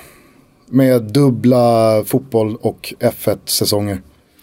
Alltså jag vet inte, nu, det är ju aldrig ett konstant tempo. Eftersom förra året var extremt så är det här året lite lugnare. Eller det känns ju jättelugnt. Bara Vi har satt att... inte OS, eh, vinter-OS 18 heller. Jag tänker mig att det, det, det, blir väl som en livsstil mm. också. Ja, att den kanske tär på en. Det du nämner ju det här med vänner, att det är ja. många som får stryka på foten för att det inte passar schemat och sådär. Jo men det, så är det. Alltså absolut. Och sen också rent fysiskt. Man, jag tror inte att jag skulle pallat där om jag inte tränade till exempel. För att det är ju jättes... Att flyga så mycket sliter ju. Och att eh, hålla på, och flänga runt. Men jag tror nog att så som jag ser det är nog snarare inte att jag känt så här att jag undrar hur länge till jag håller på. Hur länge till jag orkar. Utan det har nog snarare varit att jag tänkte att ja, men, man kanske bor i ett annat land sen och um, inte behöver förlänga. Jag kanske kan jobba med samma grej fast från ett land där det spelas mycket. Typ Spanien. Typ Spanien. Helt osökt. Nej men alltså så. Jag har ju sett dig här nu eh, dyka upp lite i trailers för världens bästa börjare och sådär med Djureskog. Mm. Eh, måste ha varit en intensiv inspelningsperiod. Han är ju, det, det är mycket människa där. Ja men, eh, men toppen alltså toppen. Men det, det, Mycket känslor var när de uh, inte kom. Jag kom de topp 10? Ja men det, förra, förra säsongen gick ut på att han skulle um, täv, en, i en tävling. Sen ah. den här så var det ju en tävling i varje stad. Ah, okej. Okay. Mm. Så kanske det var. Vart jag skulle komma var i alla fall att det är väl det första programmet som har rört sig bort från Helt ja. Uh. Liksom, sport. För jag gjorde Sveriges, Sveriges modigaste men det är ändå sådär man tävlar ja, men det var lite och det är fysiskt. på fortet. Ja, typ. exakt. Mm. Och innan dess har jag gjort Superstars och det är väldigt mycket sport. Tror du att du kommer göra mer eh, nöjes-tv som inte har med det sport Det vore ju kul. Alltså det utvecklar ju jättemycket. Men däremot det jag kan känna är att första gången har någon fattat vad jag vad jag ska användas till. Alltså min roll var att resa runt och äta. Det är så, det är så typecastat så att det finns ju liksom inte. Hur många bra burgare käkade du? Jag käkade vissa som jag grät för att de var så bra. Är det så? Ja. Inte Djurskogs. Jo, eh, två av Djurskogs var faktiskt bland mina tio topp. Ja, alltså jag håller ju Djureskogs burgare på Allmänna Galleriet. Mm. Det är ju Sveriges bästa hamburgare. Du är också den enda som säger Allmänna Galleriet. Ja. Men AG ska Jag var tvungen att tänka till. Men, men grejen är också så här att eh, dels så resan, alltså vi, att åka runt i USA och äta burgare. Det, och när folk har varit så ja, om man har dissat, eller liksom varför gör du det, eller ska inte du bara göra sport? Ja men det vet Ursäkta, man ju, men- Husfeldt har fått skit för att han gjorde Gladiatorerna till exempel. Ja, men det- det ska ha, fotbollsjournalisterna men- ska verkligen in Ja. och Ja. bara göra fotboll. Och det är som med allt annat, man utvecklas av att göra andra grejer. Men, men här är det ju så här, alltså skämtar ni? De, de frågar mig, kan du åka runt i USA en månad och äta burgare? Eh, ja. Ja, alltså, Punkt. Hade du krav då att ta med sambo och barn? ja, de, ja, men de var där och, och De fick också följa med. Ja men det här var ju en period, jag var ju borta i typ fyra månader i sträck där. Så att de, de var på OS och de var där och de var lite överallt. Ehm, men de, eh, alltså det, den, det är det bästa jag har gjort i hela mitt liv. Det, det går inte att, det, visst, jag älskar mitt jobb men Alltså, jag åkte runt och käkade burgare. skillnaden Fyra på om det dagen. gigget och att åka till någon lada i Jönköping och privatpersoner svingar sig i lianer. Alltså, Ja. där får man ju ändå... Men, du måste ha sett mycket också. Tänker jag, eftersom ni var i så många olika städer. Ja precis och framförallt eftersom allt var förriggat inom, det vet ju ni, alltså inom den här branschen som vi jobbar i med sporten, då gör du ju så mycket själv. Det är så mycket slit själv med att styra upp. Här var ju allt klart. Och det var bara så här, här är din biljett dit, nu ska du, åka, nu ska du äta den här burgaren och säga vad du tycker. Det var så. Och så åt jag typ fyra burgare om dagen. På massa skitcoola ställen. Alltså vissa ställen var så, sådana där som du aldrig skulle hitta själv. Någon nå sunkhål i väggen som du skulle tro var något annat liksom. Och så har de helt magisk mat. Eller en 50 000 kronors burgare i Las Vegas. Alltså det var sådana kontraster och det var helt... Men du säger så här, skit i vad Djureskog tycker. Jag tycker du är ju den riktiga experten här, hur man ska göra en burgare. Och det är ju en enorm trend ju i Sverige Ja. just nu med, med, med burgare. Därför finns väl programmet också. Men eh, hur, hur ska en riktigt bra burgare serveras tycker du? Ja, Men där har jag lärt mig jättemycket. Och det är faktiskt tack vare Johan. För han är, han är ju så, hans, hans em, grej är ju lite att em, eh, livet är för kort för att äta torrt. Och det är mycket, alltså det ska ju vara mycket grejer, gegga. Men det är som vi har en gammal kollega, eh, John Witt, han är producent på Discovery. Kommer ratta OS-sändningarna här nu i vinter. Hans livsmotto är det kan aldrig bli för mycket ost, det kan aldrig bli för mycket sås, det kan aldrig bli för mycket ostsås. Nej men den är... Det känns som att det tangerar lite Djureskogs Ja men det eh, är lite den grejen liksom. Och så just också att det, jag har ju lärt mig mer om så här hur det ska ste. Det får inte vara för, för överkört helt enkelt. Och jag vill inte ha frön på bröden och mycket sånt är Johan som har.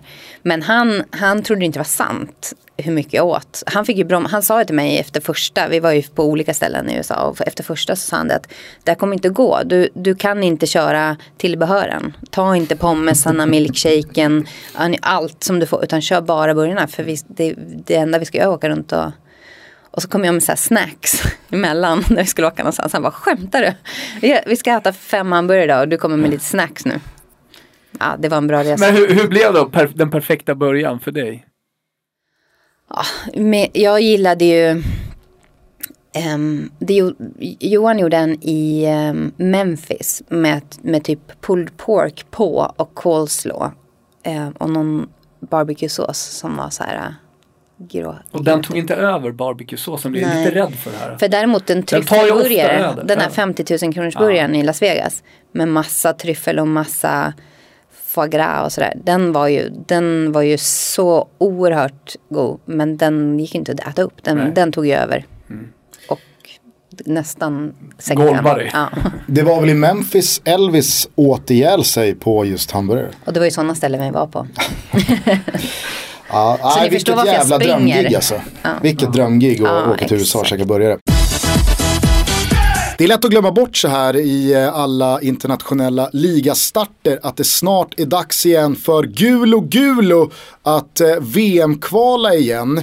Hur det än går i de första matcherna här nu så vet vi att eh, mycket kommer att avgöras på Amsterdam Arena i början på oktober då vi möter Holland borta. Och den här matchen kommer vi låta stå i centrum när vi kör vårt första event tillsammans med Business Event Network då vi alltså sparkar igång vårt lilla nätverk i affärsnätverket Ben. Så att eh, om ni där ute är eh, beslutsfattare på ett företag inom vilken bransch som helst och känner att fan vad roligt det vore att eh, fyra gånger per år ses eh, i eh, fotbolls och Toto Balutto-doftande miljöer. Och dels eh, nätverka men också äta och dricka gott och konsumera både anekdoter, föreläsningar och fotboll. Då tycker jag att ni ska surfa in på businesseventnetwork.se snedstreck Där finns alla uppgifter ni behöver veta. Är det så att ni inte är en beslutsfattare på ett eh, företag, ja, men kanske tipsa säljchefen då eller vdn eller ekonomichefen chefen eller vem det nu är. Eh, det här kommer bli kanon och det är först till kvarn vad gäller platser i den här båten. Så att eh, sitt inte och ruva på viljan för länge utan eh, gör slag i saken här nu och joina. Businesseventnetwork.se snedstreck Puss till våra vänner på Ben. Eh, du, vi har fått in en jäkla massa lyssnarfrågor här. Mm. Så jag tänker att jag skjuter av några eh, mm. på uppstuds. David Faxå, han eh, är redaktör va, på Solo Calcio. Eh, han undrar, som den löpare Frida är, ses vi på Calcio-joggen i eh, helgen? Nej det gör vi inte, men alltså kul. Calciojoggen är, det, var, inför varje Serie A-premiär så träffas eh, Serie A-fantaster. Hur långt springer de? Två kilometer? Nej, fem. Fem kilometer. Ja det hade varit kul. Ses man i liksom Vasaparken. ja och så grillar vi. Det, det, är ju ett lopp som eh, som inte är ett lopp så att säga. Det finns ingen vinnare. Även om det brukar bli lite tempo i slutet. Och allt, det, det är ju så. Jag gjorde ett Springer försök, man många ihop. Jag gjorde ett försök för vinsten för två år sedan. Fick ja, det, det var Antonia Bizzo, en vän till mig, som startade det. Det var under en tid när den italienska fotbollen var på dekis. Alltså när de hade haft eh, Calciopoli-skandalen eh, och eh, de stora lagen började ja, de började helt enkelt sälja av med Zlatan, Thiago Silva och så vidare som blev någon slags dödsstöt för Milan. Eh, men det fanns många, fortfarande mycket passion för den italienska fotbollen fortfarande då. Så här, men vi måste slå ett slag för den italienska fotbollen i Sverige. När tv-bolagen eh, sket i rättigheterna lite. Det var ju, vet du, du gick, innan ni tog Serie A Eh, när vi satt och hoppades på Discovery att vi skulle få den. Det gick väl en fyra, fem omgångar. Ja, I alla fall kändes det som det innan, innan vi satt tog den. Och då vet jag att den var ruggigt billig också. Som, som rättighet. Så att, eh, Men kul ja. initiativ ju. Roligt initiativ. Jag springer ju egentligen inte så mycket som man tror. Alltså jag springer ju ofta för att det är en enkelt sätt att röra på mig. Men jag kör ju mycket jag har ju förmånen att ha varit med och tränat med många idrottsmän. Så jag kör ju mycket så här upplägg liksom. Ett tag körde jag Hammarby, Hammarby fotbollsträningsupplägg helt och hållet. Från för att? För att jag tyckte det var kul att se om jag kunde hålla deras. Men hur fick du var det? Var det Janne Mians program då eller var det Klotz? Det, det här var eh, Claes Hellgren. Ja just det, Claes Hellgren var ju där. Och... Så han och jag gjorde ett handbollsmästerskap tillsammans. Och då sa jag nu, nu vill jag, och ingen, jag vill göra exakt vad de gör. Bara det att jag gjorde det varje dag, det gjorde inte de. Men eh, Lite så. Sen, Men, sen har jag kört med NHL-svenskarna när mm. de är hemma och sådär. Så. Nu har ju fotbollen utvecklats eh, även i allsvenskan rent fysiskt. Men jag kommer ihåg när jag spelade i Rönninge och det var division 4. Eh, då fick vår tränare Roffe Rondell, han är i Djurgårdens ungdomsakademi nu. Nu fick han för sig att vi skulle köra extra hård fys. Så då körde vi två gånger i veckan på Starfight Gym, Paolo Robertus och mm. eh, på Söder. Boxersize, alltså innan boxersize, långt innan boxersize blev en grej på gymmen. Nu är det till och med så att eh, det finns väl knappt boxersize på gymmen längre utan det kommer andra. Men det var i alla fall innan det och det var ju mer eller mindre ja, boxningsträning. Och då, det enda fotbollslaget som körde på Starfighter Gym, samma sak, var eh, Hammarby när Hasse Eskilsson spelade. Mm -hmm. Och då berättade, Leffe Karlsson heter han va, Paolo Robertos tränare, då berättade han att eh, han, han, skulle iväg på muggen, men han kom inte tillbaka. Då hade han hittat eh, Hasse Eskilsson i skrubben. Man stod och pusta efter en kvart. Han pallade inte, det var så tufft. Ja, det, men det är, sånt där är skit. Det, sånt, det tycker jag är kul på riktigt. När man kan få jag har möjlighet att liksom plocka inspiration från så många proffs alltså. Och det är så kul att se hur det skiljer sig hur de tränar också. Men tränar du bara eller liksom tävlar du i någonting? Nej, jag bara tränar. Jo men eh, finns det ingen liksom idrottare i dig som vill Nej, vinna, vinna eller mäta Nej men det är dig det som är andra? mitt eller? problem lite. Det är därför jag inte ställer upp i lopp och så. För jag är jättedålig förlorare. Jag, jag, jag, lite, jag tycker liksom om, när jag är ute i, i världen så tycker jag om att så här, gå upp tidigt på morgonen och typ stiga ut och springa för att se en stad. För annars ser jag ingenting. Eller liksom springa en F1-bana. Och sådana saker. Men Har du annars, gjort Oh ja, jätteofta gör vi det. Ehm, på, eh, på kvällskvisten. Ja men det är många, alltså mekaniker, förare, alla möjliga brukar springa banan liksom. Finns det någon favoritbana att springa? Ehm, det finns många, det är en del som är väldigt utmanande, typ så spa. Som är mycket back, backar och coola backar. Det, det finns Monaco, det blir en stadstur. Ja men det går ju inte. Det är bara massa rika fulla människor direkt de öppnar banan. Så det...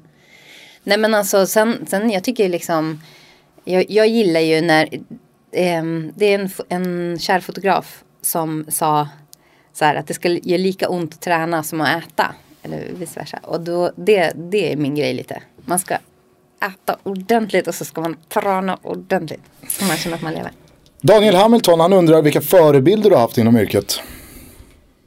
Ja, alltså jag tycker jag har plockat lite här och där med det jag har gillat men försökt vara ganska stenhård ändå på att här, inte tappa mig. För man får så mycket råd. Extremt mycket råd. Framförallt när man börjar och som ung och som tjej och som så, här, så är det många som mm, på ett gott sätt alltså vill hjälpa till. Men Inte jag... mansplaina. Nej men alltså det blir lite det här att ehm, det, Dels är det massa tittare som har åsikter och så är det massa producenter och så är det massa chefer som har, och där har jag bara varit såhär, nej men det intresserar mig. Jag bry, för jag, det gör inte det. Jag bryr mig inte om vad de tycker liksom på det sättet. Jag, jag är jätteglad om tittarna tycker att man gör ett bra jobb men där, har det, där handlar det om att jag ska, det, det handlar inte om mig. Jag ska ju inte ta plats, jag ska bara liksom, Är du lite sportmedias GW Persson? att jag inte bryr mig. Du bryr dig inte? Sitter, sitter där och skrockar med mina. Nej men, nej, men lite sådär Jag så tycker Du ska jag. plocka ut träningsupplägg också. Jag har hört att han ska gå ner en massa kilon. Inte för att du behöver göra det. Ja, lär efter ha början ett, alltså. Men nej men alltså. Så här, jag, jag tror väl, jag tycker jag har plockat, och, jag, när jag började så tyckte jag till exempel att Zachrisson, ehm, det, det, det slog mig att han aldrig liksom ställer en fråga egentligen. Utan han bara inleder ett samtal och så försöker han få personen att prata. Och det tilltalar mig liksom. Eller jag, så jag har plockat lite här och där. Sen så tycker jag det finns massa bra folk. Och framförallt mina förebilder är mer nog tror jag mina kollegor som, som har. Och det, det är samma sak där när man får frågan om, om man. Ehm, ja hur det har varit som, som tjej eller liksom. Är man, alltså mina gubbs. Det går inte att, att nog lyfta hur mycket mina gubbs på Viasat i det här fallet har, har lyft och stöttat och hjälpt mig jämt. Alltså alla. Så att där, jag plockar nog där lite liksom. Vad jag, vad jag gillar och, men försöker väldigt mycket att um, inte lyssna så mycket på vad alla tycker. Alltså det, det stämmer, alltså den bilden man har fått att ni har jävligt trevligt när ni reser. Man ser Ja. bilder kanske en tidig morgon lite som du beskriver med, med Glenn Strömberg. Ni är ute på någon, ja ni har kommit upp på någon kulle i någon stad. Tidigt är svårt att få med honom. Är det? Ja, men, eh, men absolut. Ni Alltså, får inte mer Holmgren på joggingturerna? Ja, Han promenerar då. Ah. och ta lite kort och sådär. Ja. Men, eh, nej men alltså hela den grejen är ju, det, det är så viktigt för annars så, det är ju vår vardag, det är ju mina vänner liksom. Mm. Alla de är ju mina, mina kompisar. Holmgren röker väl ut vart det finns ett pingisbord på Ja. hotellet. Och då, när de två kör, Holmgren och Glenn, då är det ju på riktigt. Ja, det kan jag tänka mig. Vi bränner av några korta bara innan vi avslutar. Eh, Didrik han undrar om du tycker att det är viktigt med cashen. Med cashen? Ja, absolut. Nej, inte vet jag. Alltså jag... Um, eh, igen, alltså så här. vad- Det känns som att du, alltså, du inte har eh, dykt upp i eh, sammanhang där man har känt så här, jaha, okej, det här är för cashen. Nej, om jag gjorde, då skulle jag nog göra något annat. Om det var för cashen. Men eh, eh, jag tycker att ehm, det är mycket viktigare att jag får göra det jag vill och välja. Liksom. Eh, absolut. Nej, det är inte så viktigt med cashen. Men däremot så, så um, skulle jag aldrig liksom, göra massa, jag, gör ju, jag jobbar ju hårt och det, det ska man ju ha betalt för. Det finns någon intervju med Dirk Kuyt. Ja, det är många Ja. som har bollat upp den. Men jag undrar om det är baserat på ehm, att jag har sagt att han är en av de bästa att intervjua och sådär också. Men, men grejen var ju med honom att, att um, han var sånt säkert kort. Liksom. Man, han kom alltid oavsett. Alltså om han var, de hade fått stryk och han hade varit dålig och så ställde han ändå alltid upp. Och han hakade på allt. Liksom. Man, jag vet det var någon gång man skulle, vi skulle prata om Glenn Hussein av någon anledning. Han var i studion och han fyllde år. Eh, Det var någon grej. Och då var det också så här, jag sa, ah, jag kommer fråga dig om en, men kör bara, du bara kör. Ja, sa han. Och så körde han på sig extremt mycket om Glenn Hysén efter en förlust. Alltså så här, bara ge en bara, Bjussigt. kör. Liksom. Oerhört bjussig. Eh, så att, eh, nej men han är ju, jag gillar, jag gillar. Och så var det en sån diskussion där ett tag om hur han uttalas. Och då frågade jag honom om det var för ett tag som Kaut, kommer ni ihåg det? Oh ja. Eh, Alltså holländarna är ju alltid där. Schneider, Schneider. eh, Och då så sa han, det är, det är inget deras, så säg det du tycker typ. Ingen, ingen av er har rätt. Men, men det är ju en, en aspekt, det tycker jag blir supertöntigt.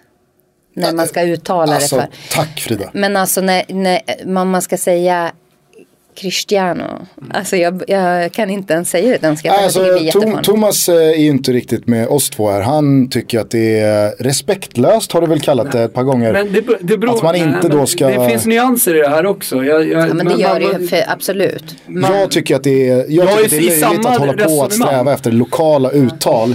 För att det, det, det är så här, det, För vi gör det ju bara med italienare och, och typ eventuellt fransmän och spanjorer. Men vi gör ju inte med danskar. tycker, liksom. personligen tycker jag att det blir löjligt när man, eh, alltså det finns ett par exempel. Till exempel, eller om vi börjar med Mascherano. Mm. Som är ett italienskt namn, som man skulle kunna säga Mascherano. Eh, och så lyssnar man på hans pappa så säger han en sak och så när han själv säger säger han en annan sak. Ja men då tycker jag så här, men vad fan säg vad du vill, absolut. Och sen eh, har vi också Gervinho. Alltså som fick sitt smeknamn av en brasiliansk tränare i Elfenbenskusten. Som säger Gervinho förmodligen till honom. eh, och världen säger. Gervinho. Men så kommer han till Frankrike, då blir han Gervinho. För att det är Frankrike. Då kan jag tycka att då behöver man inte ta till sig det senaste Gervinho. Men det är som för att- Carrasco ja. är, säger ju, det, det tycker jag är fel. Han heter inte Carrasco. Han heter Carrasco. Ja, Men, jag, nej, men, men alltså till, för att bara liksom, det är ju mer bara att om du tar en dansk så säger du inte det på danska. Det Verkligen inte och där är jag helt med. Däremot så tycker jag att så här, är du kommentator då ska du ändå göra något slags uttalsjobb. Ja. Även om det inte behöver bli Pärlskog 04 när han körde liksom portugisiska rätt Ja, men, ut. e- och ef- eftersom man inte kan Fast köra, och, alltså inte han utan eftersom jag inte kan köra alla fullt ut då blir det ju också, för ska man säga Cristiano då ska man också säga någon slags Ronaldo som Mm. vi inte kan, och då blir det ju jättekonstigt. det hade varit superkul ifall någon hade liksom tagit ett steg längre och börjat köra danskarnas namn Mm. korrekt i allsvenskan. Ja, här har vi ju Hammarbys nya tränare Jakob Migdi. alltså det- det, blir, det blir superlöjligt. Och jag har då därför tumregeln att så länge du förstår vem jag pratar om, då säger jag rätt. För då kan jag är lite mer anal i så fall. Och vår tumregel på Viasat är ju att vi ska försöka säga samma. Ja, Liksom. det är bra. Att vi ska prata ihop oss. det- Ja, fattar. det är alltid svårt med Lukaku eller Lukaku. Ja. Där lyckas inte ens ni vara, Nej. eh, ett, liksom ha samma uttal. Ett, ett, ett av de bästa exemplen när det gäller det är ju Coutinho. När Neymar, jag har inte hittat den intervjun än. Jag vet inte om vi har haft den Bäst ute. är ju då Bosse som säger continue. Bosse, Men Bosse får göra Bosse- eget. Han gör Ja, sitt egna. det tycker jag också. Nej, men när Neymar pratar om bästa spelarna i eh, Premier League. Ja. Och så kommer han till eh, Coutinho och så säger han bara Kitta. Va? Jag var tvungen att spola tillbaka och säga Kitta. Men det är jätteroligt. Vad stönar du? Pontus Wendt, han undrar om du har något tips på hur man luckrar upp en stel intervju. Ja men den är ju bra. För jag, jag brinner lite för det här med vad som är en bra intervju och inte. Ja, för att det du har sagt där, det tycker jag ändå eh, tyder på att du tycker det är ganska bra ifall det är stelt. För då, se, alltså, Ja, då eller, ja, signalerar eller man ju snarare att att, det, jag tar inte illa upp liksom. Så. Men, men alltså, jag, det jag kan, det jag har varit allergisk mot, det är ju den svenska bitvis synen på att intervjuerna ska vara hårda, tuffa frågorna. För att jag tycker att det alltså man, ska Straight prata, out of JMK va? men om man ska prata liksom vanlig eh, common sense, alltså hur, hur, hur man beter sig mot en annan människa och vad du får för reaktioner. Mm. Beteendevetenskap liksom. Alltså om du vill få ut någonting av någon, tror du att du får det om du går på hårt på någon som är i affekt. Punkt. Och där har jag varit liksom, och det, jag tror att det också fanns ett tag någon sån här att liksom ju, att man skulle bevisa då genom att vara tuff. Och, och min, det enda som har funkat för mig det är att vara mig själv och också och liksom inte vara inställsam. Man behöver inte, jag behöver inte bekräfta dem alls. Jag behöver inte ge någonting tillbaka. Men skapa en situation där jag fattar min roll. Att tittarna behöver inte höra massa grejer från mig. Det är inte det de vill. De vill se och höra spelaren. Och jag vill att den ska säga så mycket som möjligt. Den ska säga att den har varit dålig. Den ska berätta om en situation. Jag ska inte säga det och den ska säga ja eller nej. Och det tycker jag liksom har varit min grej. Att, att snicksnacka lite innan när de kommer och hej och hå. Och så sen liksom får de att direkt känna att liksom här finns inget, här, jag behöver inte vara på min vakt här utan här kan jag snacka. Då Ja, har jag men, lyckats. men det kan jag verkligen säga. Alltså det, det når ju ut i tv. Och det är inte för att du sitter här, du sitter här eh, och, och gör den här podden. Nej men ja, precis. Nej men alltså det, det når ut. Det känns lättsamt. Det känns som eh, ett bra samtal alltid när du intervjuar. Ja men det är ju bra. Men det, och det kan man ju gilla eller inte liksom. Men för mig är det, det har gett mig alla mina intervjuer. För Ja. att det är också, presscheferna vet det, spelarna vet det. Det är så många led. Det är ju först en Uefa-presschef som ska godkänna och så är det en klubbchef. Och så sen i slutändan kan spelarna också säga nej, henne vill inte jag prata med. Och det är inte det att jag då måste fjäska liksom att, de, att jag inte kan ställa jobbiga frågor. Men hur jag ställer dem gör hela skillnaden. Och då ställer man inte den, den jobbigaste frågan först. För då är man dum. Ja, liksom. dum ja. Eh, Admir Karimanovic, han undrar vilken eh, favoritarenan är som eh, du jobbar Mm. på. Kul, det var ju kul. Eh, San Siro gillar jag jättemycket. Tror han blir glad över det. Han ser ut att ha en Milan, Milan-koppling på sin Och profilbild. där är också det här att man blir så oerhört dumt eh, ska, arbetsskadad så att jag, jag kan liksom bara känna känslan av liksom hur, dels trycket och stämningen och hur den är byggd gillar jag allt kring den men också deras mackor och deras kaffe uppe i press. Sånt gör ju så mycket och logistik, det är nära till hotellet, sånt där väger jag in. Men om man ska bara se till fotbollsmässigt då måste jag nog säga att då är San Siro det är svårt att inte säga Anfield om man har varit där. Ehm, jag gillar Bernabeu för den delen också, rent fotbollsmässigt. Jag tycker den är schysst. Håller med. Ja, men, äh, men San Siro är nog min, min absoluta favorit. Eh, vad är den kallas? Eh, Du tänkte säga Giuseppe Miazza. nej, eh, La Scala di Calcio. La Scala del Calcio. Del Calcio. Fotbollens La Scala. Mm. Precis. Eh, jag tror att vi ska börja runda av. Mm. Klockan är slagen. Jag ska ta med Thomas på en liten födelsedagslunch. Känner jag mig manad att jag ska bjuda honom på. Eh, vad ska du göra närmsta veckorna här nu eh, inför eh, Champions League-säsongen? Du ska göra lite boxning. Ja, Ja. Det, det kan nog eh, bli så. Jag, det vet jag inte än, men det tror jag. Att jag ska... Det skulle bli upprörd om de inte involverade mig i en stor match. Eh, och sen så, när, sen är det förbered, sen Formel 1 liksom, den snurrar på. Så jag ska åka på. Cirkusen. cirkusen. Det blir lite Singapore och grejer, vilket jag gillar. Jag gillar verkligen Singapore. Nattrace. Man jobbar hela nätterna och sover Det går inte att ta en Singapore sling när du är på, vad heter den? Harrod? Nej. Eh, ja. nej, vad Nej, heter vad den? Jag vet vad den heter för att jag har varit där. Jag, Eh, jag, på- jag har också varit där. ja, men- Kör en barunda Nej, men så det- blir det, Men jag måste ju ändå säga fel. att första gången jag skulle dit Ja. så hade jag målat upp den här Singapore-slingan att man måste dit och, och dricka den. Och så när jag kom dit så tyckte jag det var så sent att jag skulle upp och, och träna dagen efter. Så jag tog en juice. Och det jag ångrade jag så enormt. Alltså jag, det var som att Alltså, det du inte var hade bra. sprungit bra på den där vet du, vem som, eh, vet du vem som hade tagit eh, Raffles heter det. Raffles, snyggt. Harrods. Vet du vem som eh, hade tagit juice i samma läge också? Nej. Crescito.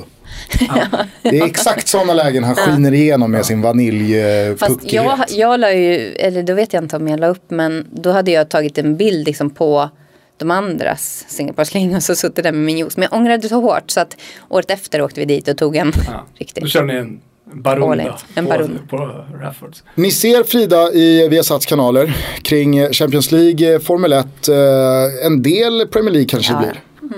Absolut. Jag tänker att det kanske blir lite mindre den här säsongen när inte Zlatan är där på samma sätt. Ja, vem vet. Ja. Du är ju Toto Balottos favoritreporter också. Det har vi sagt i tidigare avsnitt när du inte har varit här. Eh, eh, och därför tycker jag att folk ska gå in på Kristallen-omröstningen nu eh, och rösta på dig. Håller du med om det? Vad fint sagt. Ja men Jag måste det. också på något sätt lösa det här med Toto Balutto-tröja till min kusin. Jag har en eh, large i bilen. Har du det? Jajamän, Given. den ska du få. Och sen så kan man springa på dig på uh, Aspudden IP. Titt som tätt. alla IPn bara. Med en sån här vit, eh, helt eh, värdelös eh, plastkopp. Ja. Som man dricker kaffe ur. Så Eh, mysigt. du ska få avsluta ditt program med en valfri låt. Mm. Gärna med en motivering. Ja, eh, ganska, det här var ganska, eller först så tyckte jag att det kändes svårt men sen så kom jag på det här är jättelätt. För att det finns en låt som, text, jag gillar text. Och eh, texten i den här låten Också har liksom, och gillar text. jag tänkte också på vad roligt om jag skulle ta Despacito. Det hade varit, det hade varit kul. Men eh, nej men ehm, den här texten handlar väldigt mycket om det här med att ehm, ja, men lite det här göra sin egen grej eh, vara lite tuff och lite smart och köra på lite. Plus, och, och den har jag ofta använt mig av när jag känt mig, jag kan bli, så här, jag kan bli lite arg och förbannad på situationer. Då, då kan jag använda mig av den texten lite. Att, att mm, eh, boosta mig själv lite. Men sen så när jag var liten så gick den här som, den var signaturlåten till reklam för, jag antar typ Sky Sports eller något sånt. Men för just sporten. Och den var så, alltså den reklamen. Och då visste ju inte jag att jag skulle vilja jobba med det här. Men det var ju exakt det. Det var liksom, ehm, ja men det illustrerades i, ni vet de här mest Kändes som du skulle börja sjunga här. Ja, jag var Jag hade, hört jag var en, jag hade hört en eh, bättre uppeggning Nej. av en låt. Hasse Nej, men- Backe körde bara, kör något med Bowie. Men det är inte dumt att köra på Bowie. Men alltså just det här att när det liksom var, ni vet man tittar på en reklam för något, för sport, om man gillar sport och så är det de här riktigt känslosamma ögonblicken i olika sporter. Ja. När någon gråter eller när någon är skitglad eller när någon är liksom, ja, allt sånt. Snygga situationer. Till den här musiken. Och jag älskade den reklamen. Det är typ den enda reklam som jag verkligen, verkligen minns. Och att jag sen då kommer att jobba med det så blir det så här dubbel motivering. Det är nu du ska säga vilken låt det är. Det är You gotta be. Okej. Jag har den inte i huvudet. Är det han med hatten? Ingen har den. Ingen kommer ha den här i huvudet. Men när ni lyssnar på texten så kommer ni känna, oh, Ja. Då ber vi eh, superproducent Kim Wirsén rulla igång den här låten och sen så lyfter vi på våra hattar för Frida Nordstrand. tack snälla för att jag fick komma. Tack så mycket för att du kom. Ciao tutti! Ciao tutti! Ciao. Listen as your day unfolds. Challenge what the future holds. Keep your head up to the sky. Lovers, they may cause you tears. Go ahead, release your fears. Stand up and be counted. Don't be ashamed to cry. You gotta be, you gotta be bad. You